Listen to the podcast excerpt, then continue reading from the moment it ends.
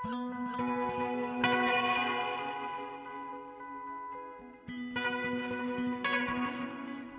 og sælir hlustendu góðir. Myndlistarbasar í menningarhúsi, Kóperníka, Mægin fyrir jólinn og Jóladaskrá rásar eitt. Einhvern veginn svona er upplegið í síðustu vísjá fyrir jólinn 2021.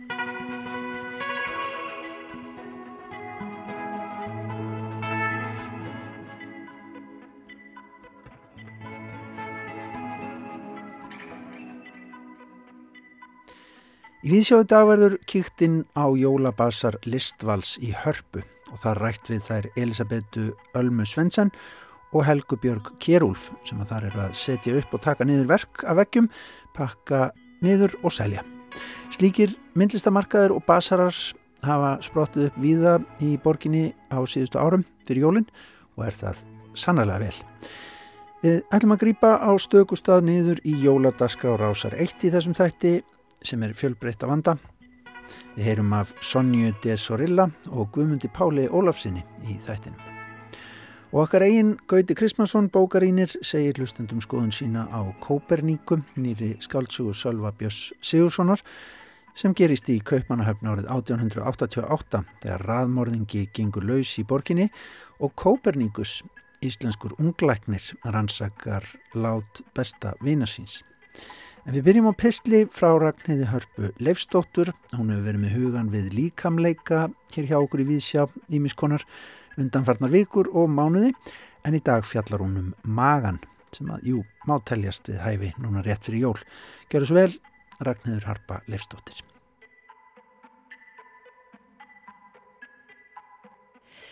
Það er ekki hægt að vinna á tómum maga. Varðla hægt að hugsa, tala, einbeita sér Einhver stað las ég að flest sambandsleitt verða þegar annar eða báðir einstaklingar eru svongir. Þá umbreytist manneskjam. Mægin kallar á mat og framkallar reyðtilfinningu, fá hann ekki ósk sína uppfylta. Frum tilfinning tekur yfir, hún flæðir aftan frá, umbreytir okkur, við verðum hangry eins og er talað um á ennsku og ég hef ekki fundið góða þýðingu á. Dýr sem þurfa að sefa þostan, hungrið. Að samaskapi er oft talað um að leiðin að hjartanu sé gegnum magan. Þegar við erum sött og líður vel í maganum erum við ánægð og þegar við erum ánægð erum við slög og þá erum við kannski með aðeins opnara hjarta gagvart heiminum. Mægin er hluti af meldingarkerfi okkar. Fyrsta stoppustöð matarins eftir að hann hefur verið tökkin og rent sér niður vélendað. Mægin er baunalega vöðvaríkur sekkur sem getur þanist út þegar fæða best til hans. Mægin hefur öfluga ringvöðva við efra og neðra maga op. Hann tekur við tökkinni fæðunni. Þar blandast fæðan magasafa fyrir tilstölan bylgjurreyfinga og malast áfram í mauk. Hann drefur örverur sem kynna komast inn í líkamann með fæðinni og klýfur langar prótínkeðjur í minni búta. Mægin vinnur úr fetunni og sendir síðan fæðumöykið í hæfilegum skömmtum ofan í skeifugörn sem er efsti hluti smáþarma. Það þyrsti annan pistil, kannski heilan útvarsþátt til að fjallum undur þarmana en í dag setjum við fókus á magan. Magatilfinning er annað orð yfir innsægi. Við tökum ákverðun án þess að hún byggi endilega á þekkingu. Innri áttaviti sem vísar okkur leiðina. Allt lífið byggist á ákverðunum en það er svo erfitt að sleppa því hvort ákverðun sé rétt eða raung. Hún er bara ákverðun, segir vinkona mín við kertaljós í skamdeginu. Hún sittur við eldusborðið sitt, borðar mandarinnur og sörur. Hún er að melda hvar hún sé, hvernig hún komst ánga sem hún er. Hún finnur hver erfitt að sleppa þessari hugsun, hvað séu réttar ákvarðinir, hverjar ekki. Við gerum eitthvað, svo gerist eitthvað annað og lífið heldur áfram. Nú fyrir jörðin að spyrna á móti. Myrkustu dagarnir eru núna og í gær hófust kvörfin. Við hverfum úr myrkri í ljós. En þetta er líka tíminn þar sem við borðum mest, þurfum meiri sigur, meiri orku, þráum, meiri sól. Í myrkurinu horfust við í augu við okkur sjálf, förum undir feld, lesum, kvílumst, vonandi. Býðum eins og byrnir að byrtan hellist aftur yfir okkur. Það er naumt á milli gleði og sorgar, segir vinkona mín, menn hún rínir í rúnirnar á borðinu. Hún segir að hér áður hafi menn lesið í rúnir í eins konar sjálfsfinnu þó það héti það auðvitað ekki þá. Jólastjarnan hennar hangir í eldursklukanum aðeins skökk en skekkjan er á undarlegan hátt svo falleg. Stjörnur er alltaf skakkar og það á svo vel við hennan tíma sem er núna. Hann rúmar hafsjó tilfinninga og allt er svo næmt og viðkvæmt. Við fögnum myrkrinu með háttíð ljósana, góðum mat, samverustundum. Áður en þessi háttíð hétt jól, hétt hún eitthvað annað og áður en hún hétt það, hétt hún enn öðru nafni því mannfólkið hefur alltaf fagnað á þessum myrku dögum. Fagnað myrkrinu, farið inn á við og mynd hvert annað á hvað er mikilvægt að vera góð hvert við annað á þessum krefjandi dögum. Þegar ég var unlingur fór ég í skiptinám til Peru. Þar var jólaháttíð fagnað á miðnætti, tali niður og kalkút beð kaldur á borðinu þar til klukkan sló tólf og fjölskyldu fæðurinn kveikt í flugöldum. Pakkarnir voru opnaðir klukkan tvö um nóttina, það var dansað eftir matinn. Þar var gulur litur hefninar og fjölskyldu meðlimir í gulum nærfötum í anda jólana.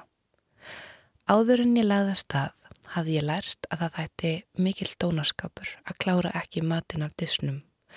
Húsmóðurinn lagði heitan hátægisverðin á borðið á fyrsta degi mínum í þessu framandi þorpi. Fyrir framann mig var fjall af mat og hísgrónum. Aldrei hafði ég séð svona mikið á disk og ég man að ég táraðist með þetta verkefni fyrir höndunum. Hvernig tækist mér að koma því til skila án tungumáls að maturinn væri góður og móðgan ekki? Gæti ég klára þetta? Ég man ekki lengur hvernig þetta tókst hjá mér en þetta vandist og matarfjöllin í hádeginu urðu venjuleg og kvöldmaturinn var tekjaks. En einn dag bar hún á borð maga úr kú. Hann var matrættur í appelsínu gulri sósu sískrjón að venju til liðar. Ég tók bita og áferðin var undarleg. Kjötið var seikt en einhvern veginn sleift á saman tíma. Það var hrjúft sumstaðar og ég gæt ekki borða það.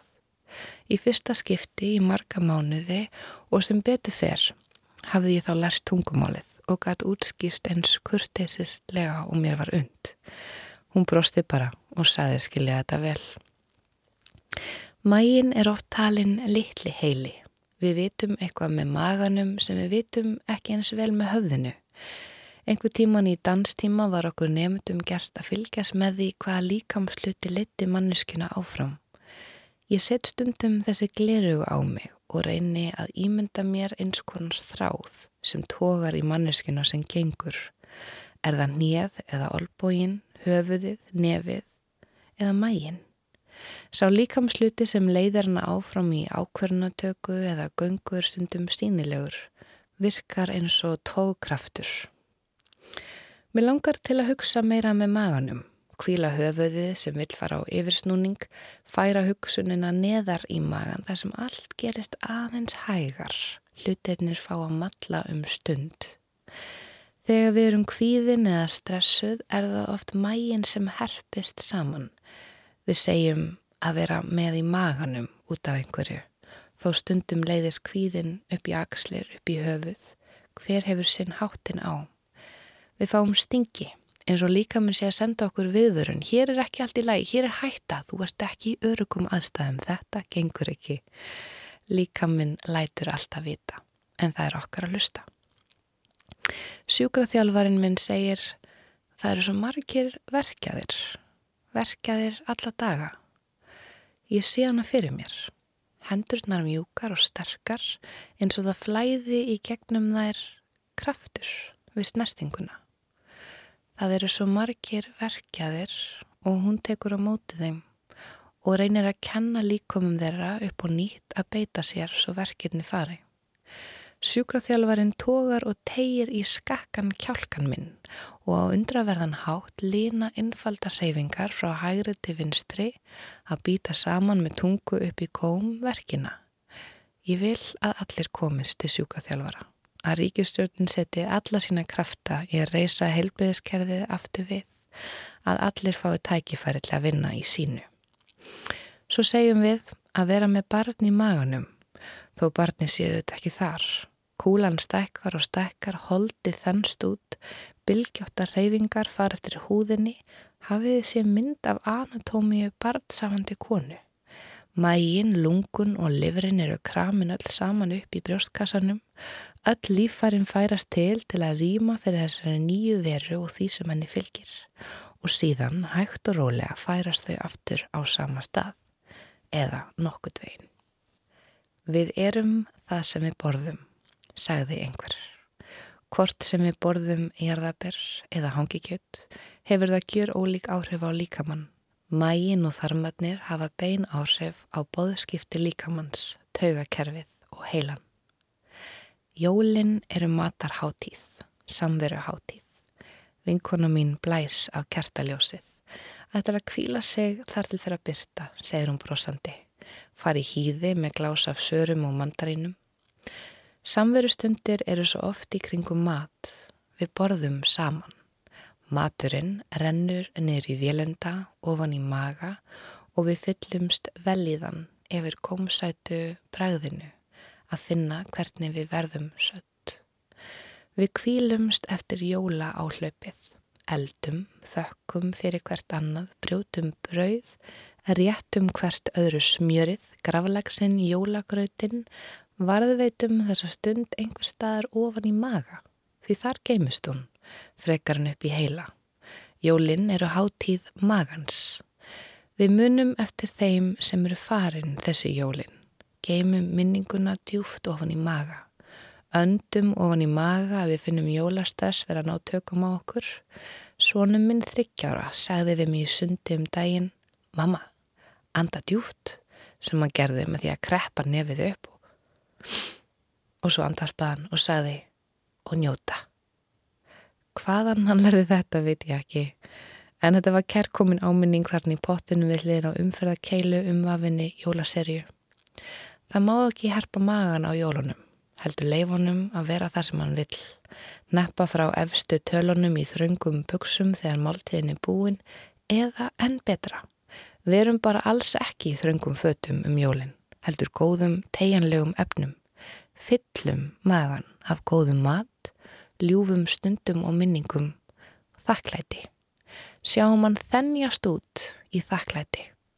Þakklæti að fá að vera til einmitt núna og að brátt fyrir daginn að lengja.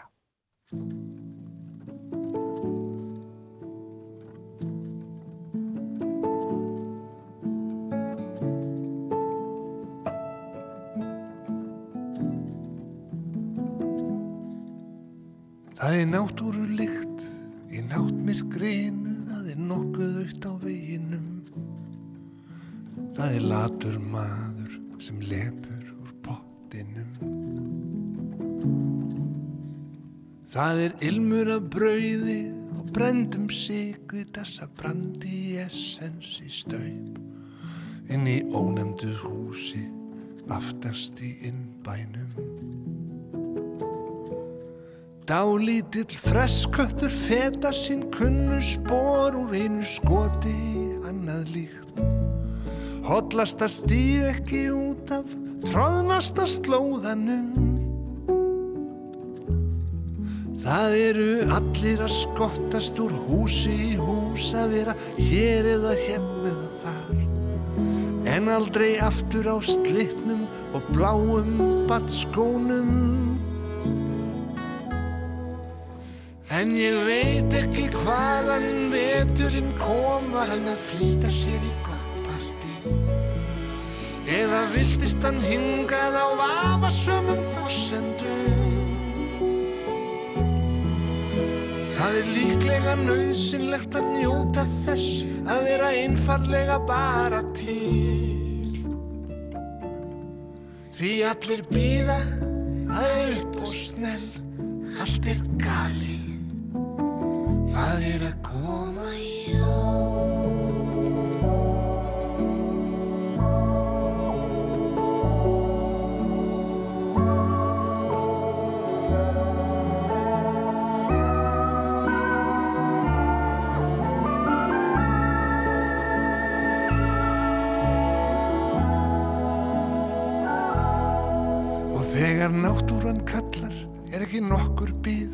þó það sé nöðsynlegt að fá sér smók. Hvort sem nákvæmlega eða sirka bát ert alveg klár. Þér er ætlað að hoppa þá hoppir þú út á hafið eða inn í skáp. Það er ekkert stress þú hefur allaveg út Og kisti finnur sig í þessum fáráða tíma þá er fristiklistan tæmast ná. Og fetar sig fram og aftur sína tróðnu braut. Og allir skreppa upp, já eða springa út og eru annarkvort hér eða það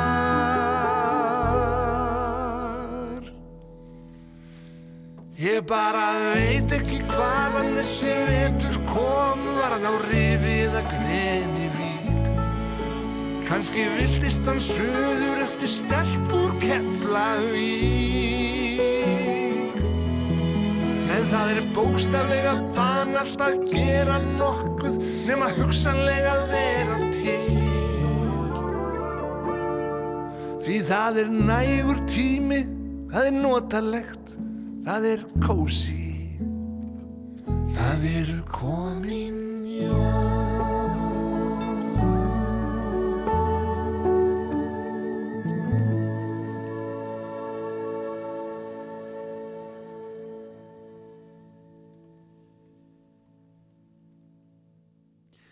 Notalegt Sigurður Guðmundsson, Sigriður Tólasíus og hljómsveit fluttulag og texta Sigurðar. Og víst er notalegt að vera heima um jólinn og þá er oft þjóður áð að njóta fjölbreytrar og efnismikillar dagskrár rásar eitt yfir hátíðarnar.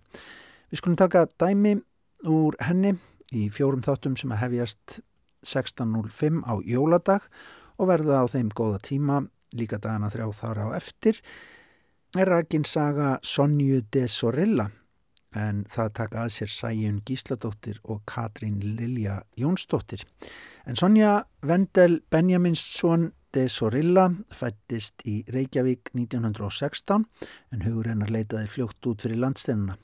Hún bjó viðsvegarum Evrópu áður hún setti staði í New York í bandarækjunum á 5. áratögnum þar sem hún hófað fjárfesta og var síðan einn ríkasta kona Íslandsögunar.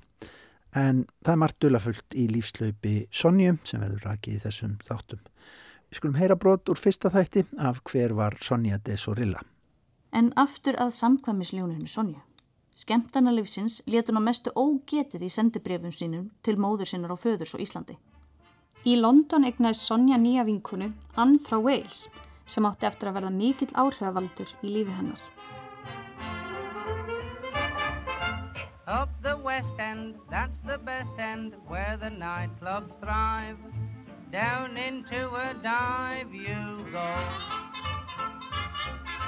There's a jazz queen, she's a has-been, has-been, Lord knows what.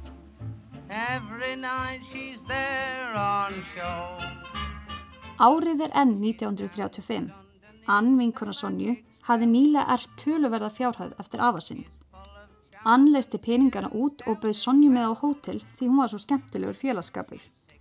Þrátt fyrir fortölur Sonju held Ann áallin sinni og legði hvert hótelherbyggið á eftir öðru fyrir þær stöllur. Sonja og Ann enduð á Ritz hótelinu í London. Og bara til að setja þetta í samhengi fyrir hlustendur, þá var Ritz staðurinn þar sem fína og fræga fólki gisti þegar heimsótt í London.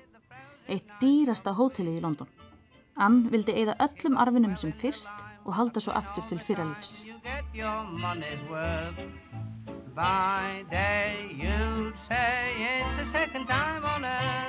Á Ritz lifði Sonja allt öðru lífi en áður, óra langt frá veruleika íslenskra námsmanna í Breitlandi á þessum tíma. Þegar þær vinkonurnar ákveða skreppa til Parísar í helgarferð að hýtta rúsneska kunningja, kom auðvitað ekki annað til greina en að gista einni á Ritz þar og Ann hafði ekki einu sinni fyrir því að sleppa herbergjónum í London á meðan. Á þessum tíma kynntist ég skemmtilegum hjónum í London. Þau stunduðu kappakstur og seldu auk þess bifreiðar af dýrari gerðinni. Þau áttu mikil viðskipti við ríka Amerikana og kunningskapur okkar þróaðist smám saman þannig að þau buðu mér út að borða á samt viðskiptavinnum. Ég þótti að hafa útlitið með mér og hjónunum þótti nærvera mín liðka fyrir viðskiptunum. Oft voru þarna einmanna menn á ferð en að sjálfsögðu var ekki um annað samband að ræða en kvöldverð á veitingahúsi. Það má lesa millir línana að hún hefði verið eins konar fyldar kona hjá þessum hjónum. Já, það hljómar þannig og Sonja ávarpar aldrei þennan orðrúm í æfisögunni. En orðrúmur er þetta og þrálátur. Heyru við meira um þennan orðrúm setna? Já, aðeins setna. Ég er mjög forvitin. En hvernig fór þetta hjá Sonju og Anna Ritz? Ævintýri fekk snöggan endi þegar Sonja var tekinn til yfirheyslu af breska útlendingaeftirleitinu og spurði út í kynneið sína. Þegar Sonja tók á tal við annum ástæðinu fyrir yfirherslunu kom upp úr krafsinu að Ann var sjálf lesbija. Fóreldrar Ann töldu að Sonja væri að stjórnenni og stæði á bak við dvölinu á Ritshótelinu. Það er heldur fljótlega í sitt hvora áttina eftir mjög viðbröðrikt ár.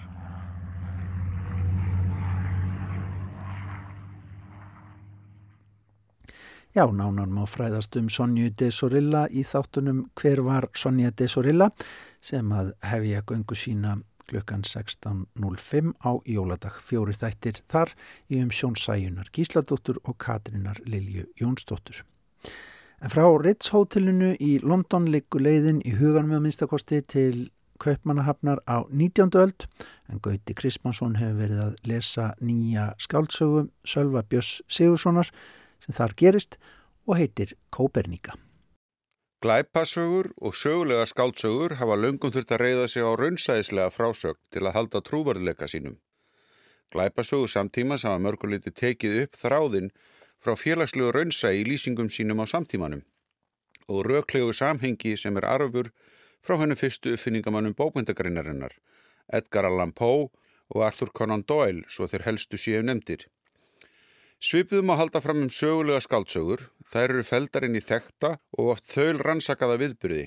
Personur eru stundu jafnvel líka þektar sögulega personur. Með Kóperníku, sem er kvortveikja sögulega og glæpasaga, reynir Sölvi Björn Sigursson all nokkuð á þólrif þessara forsendna. Jafnvel þó margt sér vel undirbyggt með rannsóknum á staðhættum í Kaupmannhöfn árið 1888 til að mynda. Ártalið eitt er líkast til gömgjafilega valið. Þarna eru leknavísindin á þröskuldi nýra uppgötfana.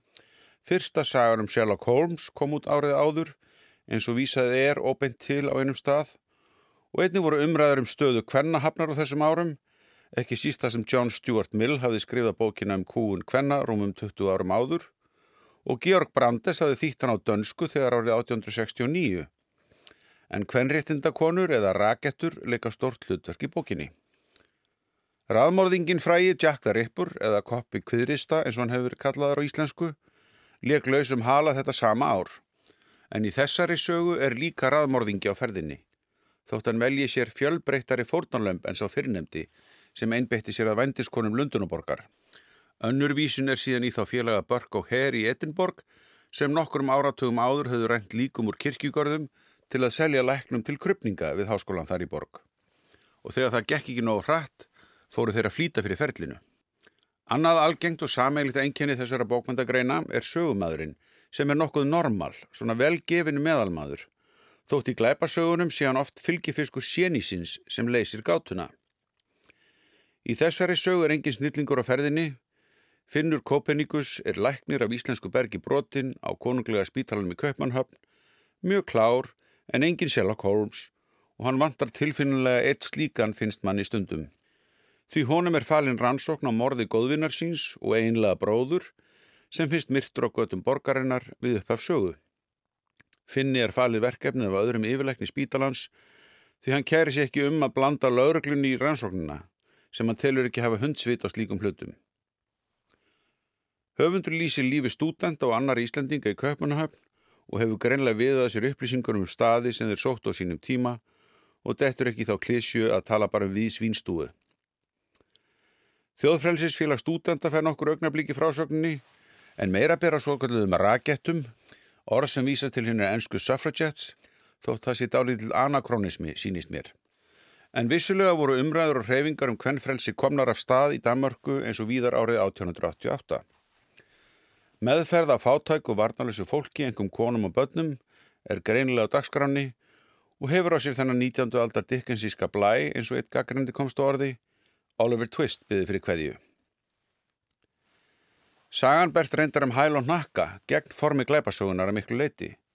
Finnur kemst að óskup litlu lengi framan af og frásagnatöfin fælst fremur í hennum líflugu og þróttmiklu lýsingum á sérstæðum karakterum eins og Andersen Lækni, gömlum félögum hans, Vilbjörn Lækni sem er hans helsti keppinautur og ekki síst manninu sem verist tengjast öllu saman, Benedikt nokkrum júbilegum, sem reyndar er látin en var fósturfæðið finns og raunverulegur fæðir fórnalamsins Haldors og raunar miklu fleiri barna sem kom við sögu.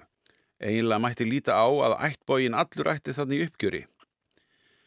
Bygging sögunar ber þessa merki, henni skipti tvo hluta með mörgum köplum en svo síðari hefst ekki fyrir 340 síðum loknum og klárast fljótt upp úr því. Dálítið eins og nú þurfa að ganga frá lausum endum. Hugsanlega hefði mátt styrta eitthvað í þessu hér og þar, en það er alltaf erfitt að segja til um það. Stílinn er fjörugur og nútímalegur, ekki vant að það, sérkjörlega nöpp príða margar fígurur, þó ekki allar, en þetta er önnur afbygging á hennu raunsæðislega formi þessara bókvendagreina, dálítið eins og mátti sjá í seltu síðustu skáltsögu höfundar. Á augnablikum fannst mér þó nútímavæðing tungumálsins stinga um ofi stúfið söguefnið þegar talaður um að skila skömminni eða djöfull er þetta næst dutti og fleira í þeim dúr. Þetta eru smávægilegar agnúar sem skipta þó einhverju máli. Það eru heilmiklar pælingar og nafnaköll í tekstunum. Pælingar um lífið og dauðan, tilganglífsins og oft sett í samband við ímislegt frá þeim tíma og kannski öðru sem rætt var síðar en söguefni gefur vel tilöfni til þess, morðin, krypningarnar og ekki síst áðurnemnd meðferðin á smælingjum heimsins. Ég var þó ekki alveg viss um daðrið með tólvinstigum, en vafalaust eru einhverjir mér innmitt ósamala um það. Af sögupersonunum er finnur vitala með mest af holdu og blóði og aðrar falla dálítið skuggan á honum. En við komumst heldur ekki að því fyrir undir lokin hvað drýfur margar þeirra áfram, hversuna þær eru eins og þær eru og þetta á bókin sameinlegt með mörgum öðrum glæpasögum þar sem leitin að gerandanum er drifkraftur sögunar. Þó sáldrar höfundur töluverð af grunnsendum um margar personur eftir því sem frammyndur eins og við á að geta og það verður ekki af honum tekið að vendingin undir lokin og lausnin á glæpamálunu kemur verulega óvart, þessum lesanda minnst okkosti. Þetta er fjöru bók aflæstrar og í senn afþreying og fulla bókmyndalegum og þjóðfélagslegum pælingum um lækningar, kvenréttindi, nýðingskap valdakalla og hvaða leiðir sé best að fara til að gera betur í heiminum. Og raunum á segja að endir bókarinnar kallist aðeins á við heimsbyggingin Voltaire sem lög sínum byrtingi á að segja að það eina sem hægt sé að gera í þeim efnum sé að rekta garðin sinn. Og þótt finnur Kopernikus standi ekki undir frægu nafni sínu sem vísindamadur finnur hann aðra leið í lokin til að gera grálindan heim örlítið betri. Saði Gauti Krismansson um Kóperníku Sölvabjörns Sigurssonar. En aftur grípum við niður í Savaríka jóladagsgrára ásar eitt þessi jólinn. Á jóladag klukkan 13 verður dagskráþátturinn Skurðir í náttúru Íslands en þar ræðir Tómas Ævar Ólafsson við vini og samstarfsmenn Guðmundar Páls Ólafssonar náttúrufræðings, doktors í sjávalífræði, kennara, rittöfunds, ljósmyndar á náttúruvenda sinna um lífans og störf. En á næsta ári verða tíu ár liðin frá því að Guðmundur Pál fjall frá. Hugað er í þættinum sérstaklega að náttúruspeki Guðmundar Páls og viðþorfum í náttúruvend en það eru hugdög á borðið græna orku, blettafriðun og sjálfbærni, gömgeð sérstaklega. Viðmælandur Tómas Rævars í þættinum eru Rúri, Andri Snær Magnason, Jóhann Ísberg, Guðmundur Andri Tórsson og Marja Ellingsen en hún talar um mitt hér. Hann sagði náttúrulega þessi orð sem að það sem hann vittnar í fræðumann frá Afríku, Baba Dióm. Þegar allt kemur til alls, varveitu við aðeins það sem við elskum. Við munum elska aðeins það sem við skiljum. Við munum aðeins skilja það sem okkur er kent. Og þetta var svona grundallar atriði og í fyrsta lagi náttúrulega hann gaf alltaf kredit, hann tók þetta ekki þótt að sé oft gert að hans orðum að þá gaf hann alltaf sjálfur kredit þeim sem hafið hugsað undan honum en í þessu liggur svo mikil kjarni að til þess að maður skilja eitthvað að þá þarf að kenna manni það þannig að hann var mjög mikið í því að kenna og setja fólk hérna í tengsl og í, við stórumyndina og með því kveiknar ást á baráttunni og, og það og til þess að varveita um leiðum að skilur eitthvað að þá tengist maður því og þá vil maður varveita það og þá er maður tilbúin að berjast fyrir því þú veist að því þá svo oft verður að gera lítið úr því að það væri tilfinningamál að náttúröndar væri bara með tilfinningarnar en ekki með, með sko rögin og eitthvað. En hann var ekki bara, hann var ekki bara hann skammaði sín ekki fyrir að vera með tilfinningarna hann sagði, ef þú ert ekki með tilfinninguna þá ert ekki með neitt. Ef þú ert ekki með tenginguna við hjartað og skilningin skilningin sem að býr til þessa, þessa tengingu að þá, þá, er ekki, þá, er, þá er ekki neitt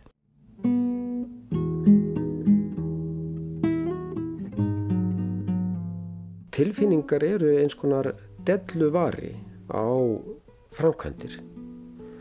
E, þér þykir vænt um land þú, þú ert ástfangin af því þú ert hrifin af því vegna þess að það það, er, e, það snertir ákvæmlega strengi í þér eða þá að þú hefur e, alist upp við það og haft lifubröð af því.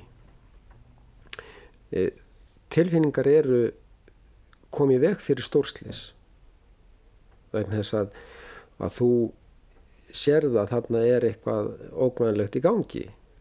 Og tilfinningin þín hún segir þú mátt ekki gera þetta. Þess vegna er þetta delluvari. Og þess vegna er ég sagt þeir sem að taka þennan eh, delluvara úr sambandi þeir eru hættulegir. Þeir eru hættulegir umhverfinu og, og ég hef marglýst því yfir að það sé engin delluvari til í landsfyrkjum til dæmis vegna þess að þeir vil ekki hafa tilfinningar inni í þessu viðhorfu gagvart náttúrunni. Við verðum að hafa tilfinningar. Við getum það ekki annars. Ef við tökum tilfinningarnar út úr samhenginu þá erum við að, að segja að það skipti ekkert máli lengur. Það er hættan.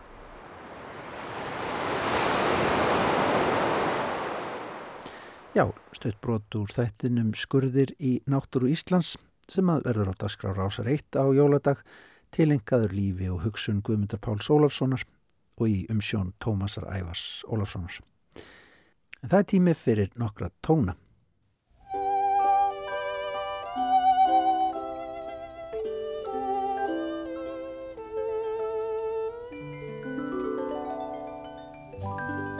Have yourself merry little Christmas Let your heart be light. Next year, all our troubles will be out of sight.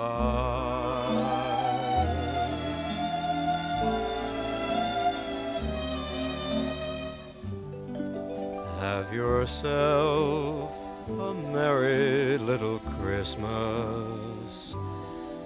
Make the Yuletide gay. Next year, all our troubles will be miles away.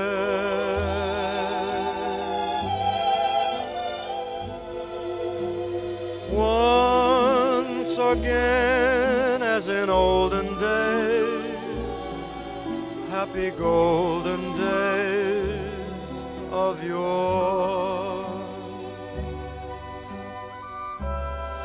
Faithful friends who are dear to us will be near to us once more. Someday soon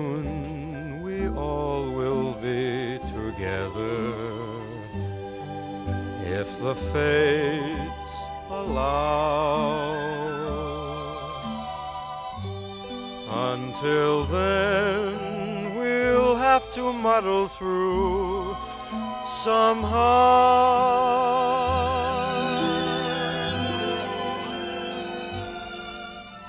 So have yourself a merry little Christmas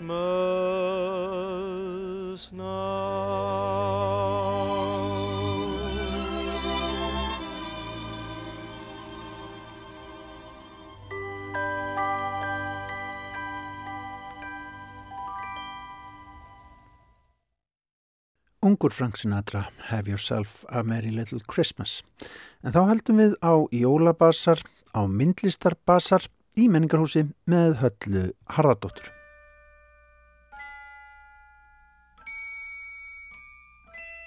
City sidewalks, busy sidewalks, dressed in holiday style.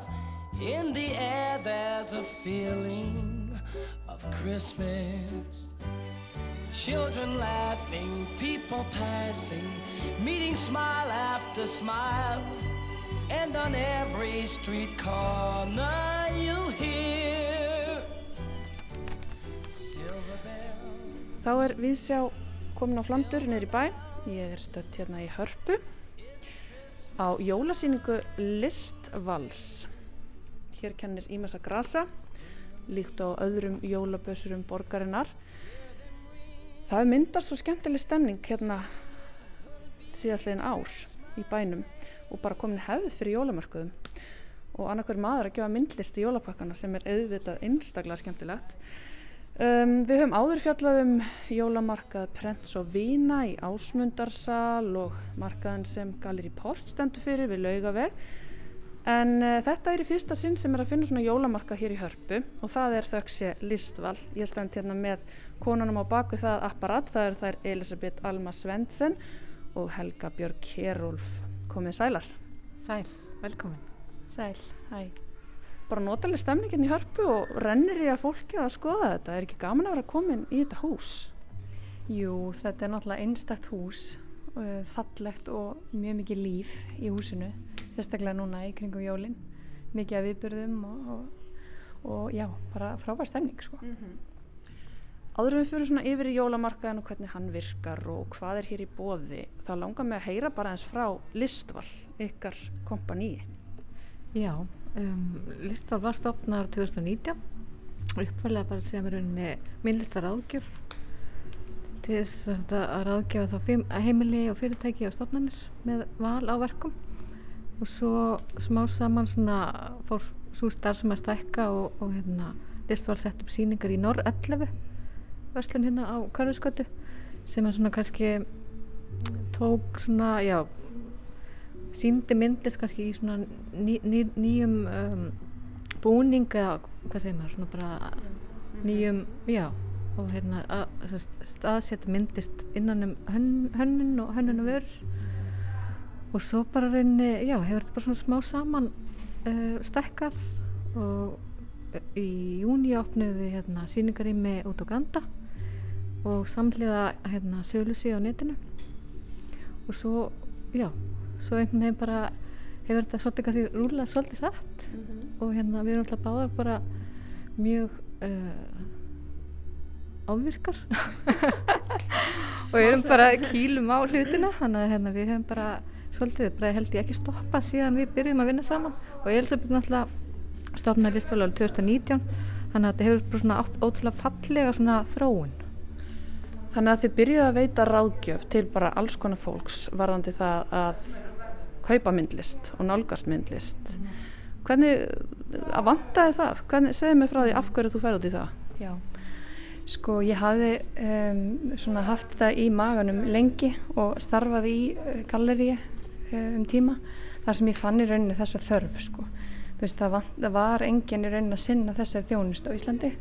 Það er að fara aðgjöð alls, á alls konar hérna, stöðum en ekki varandi val á myndlist. Þannig að ég sá þarna allavega bara vöndun á markanum og, og já, startaði þessu. hérna 2019 og bara hægt og rólega var alltaf meira og meira að gera í því bæði einstaklingar sem að er að leita að einstökum verkum fyrir heimili eða skrifstofur og þannig að já, það bara já, ég let bara einhvern veginn draumir rætast og gerði þetta bara þannig að hérna Ólíkt því að vera í galleri með listamenn á þínum snærum þá nálgastu myndlistafólk út frá ólíkum verkefnum. Já, akkurat. Og eins og hérna við hefum oft sagt við Helga, við erum bæða með svona hönnunabakgrunn líka sko, veist, áður en við förum út í myndlistina.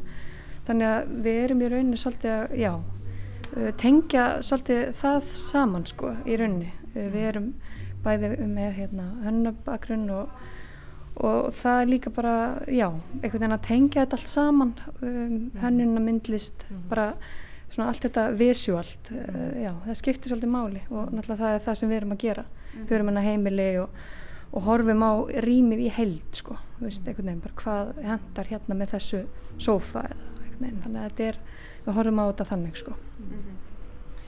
En þessar síningar sem að þið hafa verið að halda hann í Galeri Norr og núna út á Granda um, og þar sem þið fókusa á að vera með ekki þetta hvíta rými heldur setja verkin í samengi við eitthvað annað. Mhm. Hvernig veljið þið listamenn þar inn? Það hefur bara rauninni verið svolítið bara svona samtal okkur á milli og hérna ekkert, ein, ein regla, bara, já, við erum stöðugt í samtali við náttúrulega þá listamann sem eru hér og svo hérna hefur þetta bara svona eitt, eitt leita öðru. Já. Já.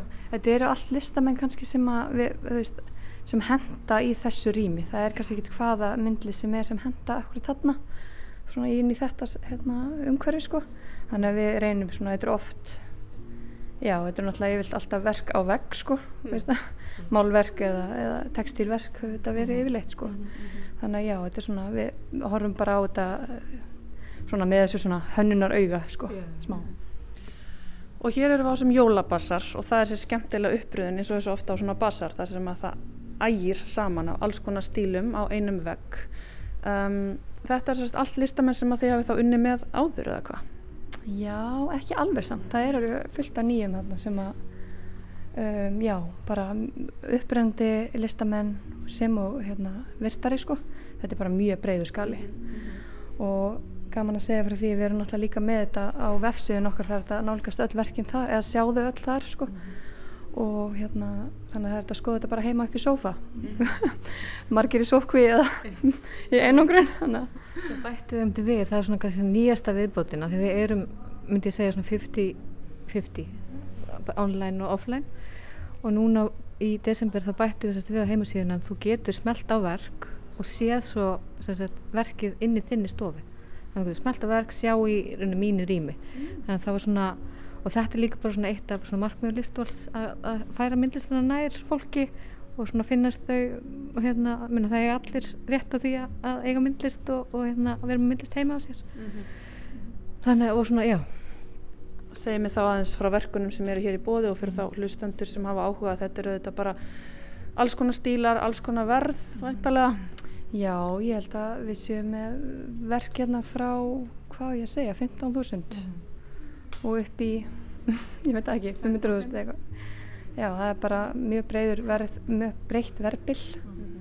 þannig að það, það gefst já, það, það er eitthvað fyrir alla í rauninni, myndi maður að segja. Gaman nefna það að skemmtilega við þetta rými en í hörpu þar það ganga hérna framjá og þeir sem eru kannski hrætti við smitt og vilja passa upp á alla sóttvarnir þá er þetta ganga hérna bara framjá sem glæsilega glugga og njóta verkanna bara úti líka. Einmitt. Það er náttúrulega skemmtilega við þetta er náttúrulega bara opinn allan sólringin og við einmitt hérna vorum smá svona í hlátuskasti á hann þá vorum við sérst að hérna taka upp hérna hérna fyrir utan á Elisabeth hérna á í svona heimsendingarfasa að því okkur langar sérst bara núna auðvitað ljósi aðstæna að hérna margir komið í einangrun svona að bara það bregðust við því og fólk getur hérna bara panta á netinu eða haft samband mm -hmm. og við bara sendum fólki myndlist heim, færum þeim myndlist. En nú finnst að þið eru svona ráðgjafar. Er þá að nýta sér ykkar þjónustu hér þeir sem að koma og vilja skoða en eru kannski óakvenir, hvernig hópur er þetta sem að kemur, er verið að nálgast ykkur að byggja um aðstóð eða er þetta bara alls konar eða koma sumir og bara grípa verk og vita strax hvað þið vilja Já, bæði og sko. Við erum náttúrulega, hinga getur fólk komið og fengir ágjöf við valamyndlist. Það er náttúrulega það sem við séum um okkur í sko. Þannig að hérna verðum við að bjóða upp á það. svo koma, kemur líka fólkinga sem veit bara nákvæmlega hvað það vil bara. Þannig að þetta er ótrúlega fjölbreyttrópur sem kemur. Er mikið um svona spontant ákvarðanir? Já, finnst svolítið að hafa verið um það og bara mikið fólki að gefa sér eða sér, gefa sjálfur sér jólagjöf sem er mjög skemmtilegt nein, eða, eða pör að gefa hvort öðru jólagjöf saman mikið um það sem er mjög skemmtilegt líka Og hvernig er fyrirkomulagi bara svona í lokin? Eh, Það er opið hér langt fram á kvöld, eh, fólk getur komið og hvað tekið bara með sér beint af vekkjunum með það ekki? Það stöðut, stöðut verið að breyta því sem hangir hér upp ekki satt. Jú, það er bara, hérna, ég held að veggurum breytist bara hverjum degi og hérna, fólk getur gengið hérna inn, bara tekið verk, við pakkað inn og, og það bara komið heim í stofu tímundum setna. Þannig að, já, og við erum með sagt til átta, uh, nema tíu á þólusmessu og eitt, hvað, eitt á aðfangadag. Já. Já. já. Já, þetta er bara jafn öðvöld að fara að kaupa sér í matinn í rauninni. hérna, örstuð til lokin, af hverju ætti ég að gefa myndlist í jólagjöf? Myndlist er náttúrulega eitthvað sem að um, lifi með manni og maður mun eiga það, mögulega alltaf. Um, þetta er náttúrulega líka góð fjárfesting, oftast nær sko. Þannig að þetta er í rauninni bara besta gjöfin sko. Já, skilja. Það streymir hérna inn fólk, ég ætla ekki að taka meiri tíma frá ykkur. Elisabeth Alma Svendsen og Helga Björg Kjærúl fjá Listval, gangi ykkur vel með hann í jólabassar. Takk, takk, takk hérna. Someday playing with bombs like kids play with toys. One warm December, our hearts will see a world where men are free. Mm, someday at Christmas, there'll be no wars when we have learned what Christmas is for. When we have found what life's really worth,